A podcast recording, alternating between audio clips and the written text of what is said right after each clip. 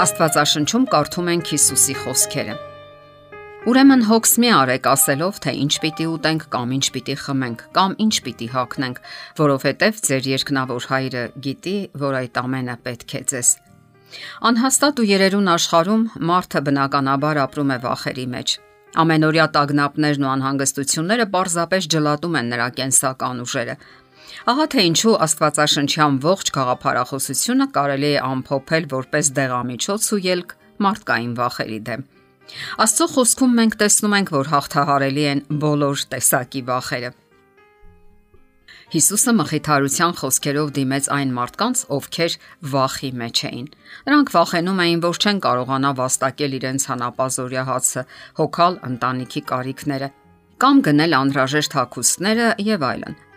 Այսօր էլ շատերն են ապրում այդ վախերի ազդեցության տակ։ Նրանք վախենում են, որ կկորցնեն իրենց աշխատանքը, կկորցնեն եկամուտի միակ աղբյուրը եւ կհայտնվեն անելանելի վիճակում։ Եվ վախը օրեսօր քայքայում է մարդկանց կենսական ուժերը։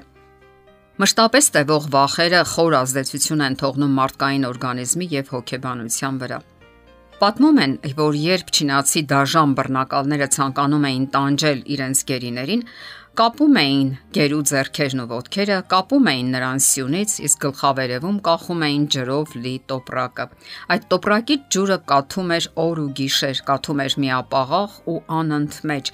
Որոշ ժամանակ անց այդ ջրի կաթիլները գերուն մուրճի հարվածներ էին թվում, եւ մարդը խելագարվում էր։ Դարեր անց այդ մեթոդը սկսեց կիրառել կաթոլիկական հավատաքննությունը կամ ինկվիզիցիան։ Իսկ նրանցից փոխարան հիտլերյան դահիճները Գերմանիայում եւ սկսեցին կիրառել համակենտրոնացման ճամբարներում։ Ահա թե ինչի հետ կարելի է համեմատել ամենօրյա վախի ու տագնապի զգացումը եւ պատահական չէ, որ Քրիստոսը ցանկանում է մարդուն ազատագրել այդ տանջալի տարապանքից եւ հավաստիացնում է. ուրեմն հոգս մի արեք ասելով, թե ինչ պիտի ուտենք կամ ինչ պիտի խմենք կամ ինչ պիտի հագնենք, որովհետեւ ձեր երկնավոր հայրը գիտի, որ այդ ամենը պետք է ձեզ։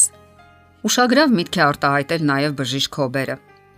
Բժիշկների մոտ գնացող բոլոր հիվանդների 70%-ը ի վիճակի է բուժվել ինքնուրույն։ Այն պայմանով, եթե կարողանա հաղթահարել իր վախերը եւ ազատ ագրվել անհանգստությունից, պետք չէ մտածել, որ նրանց հիվանդությունները կեղծ են։ Դրանք նույնքան իրական են, որքան նվացող կամ ցավող ատամը։ Իսկ երբեմն էլ 100 անգամ ավելի վտանգավոր են։ Ես խոսում եմ այնպիսի հիվանդությունների մասին, ինչպիսին է օրինակ ստամոքսի անմարսողությունը հուզական ապրումների արդյունքում, ստամոքսի խոցի որոշ տեսակներ, գլխացավեր, պարալիչներ, հիմնախնդիրներ սրտի հետ եւ անքնություն։ Հայտնի է, որ անհանգստությունը հանգեցնում է նյարդային լարվածության, ինչի արդյունքում փոխվում է ստամոքսահյութի կազմը եւ առաջանում են շեղումներ, որոնք էլ ոչ հազվադեպ հանգեցնում են ստամոքսի խոցի։ Այդ միտքը հետաքրքիր է ձևակերպում մեկ այլ բժիշկ՝ Ժոզեֆ Մոնտեգյուն։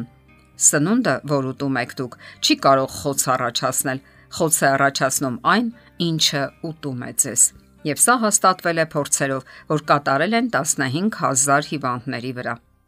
Փորձերի ժամանակ ողջվել է, որ յուրաքանչյուր 5-ից 4 հիվանդի մոտ ֆիզիոլոգիական ոչ մի հիմք չկա, որը կհանգեցներ հիվանդության։ Ստամոքսային հիվանդություններն ու հատկապես խոցերը առաջացել են վախերի, անհանգստության, ատելության, իրականությանը չհարմարվելու վախերի արդյունքում։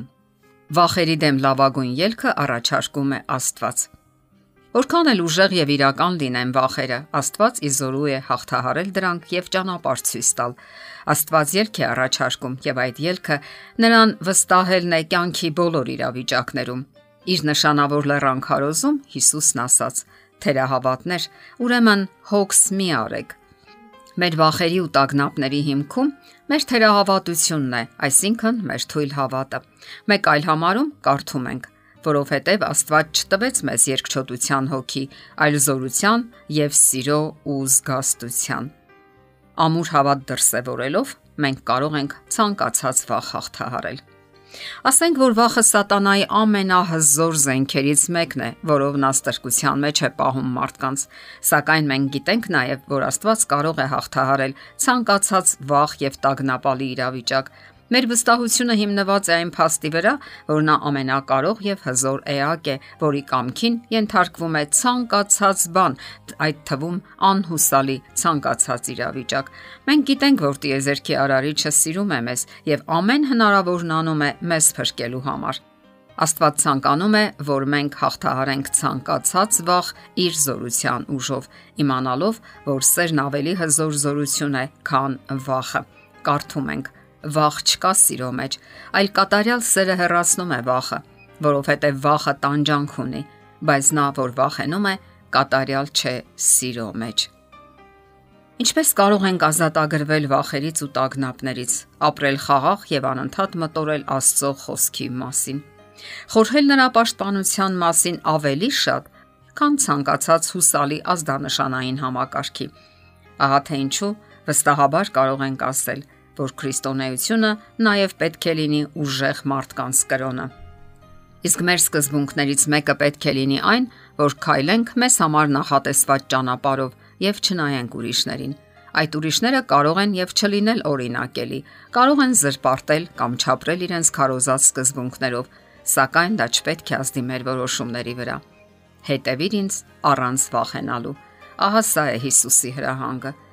եւ մենք չենք կարող վախենալ նրա հետ, ով ոչնչից տիեզերք է արարել եւ կյանքի կոչել մարդուն, տալով հավերժական կյանքի հնարավորություն իր թանկագին որդու զոհաբերության միջոցով։ Վախը հաղթահարելի է, հավաստիացնում է Աստված։ Եթե միայն համագործակցենք նրա հետ։ Եթերում է ղողանջ հավերժության հաղորդաշարը։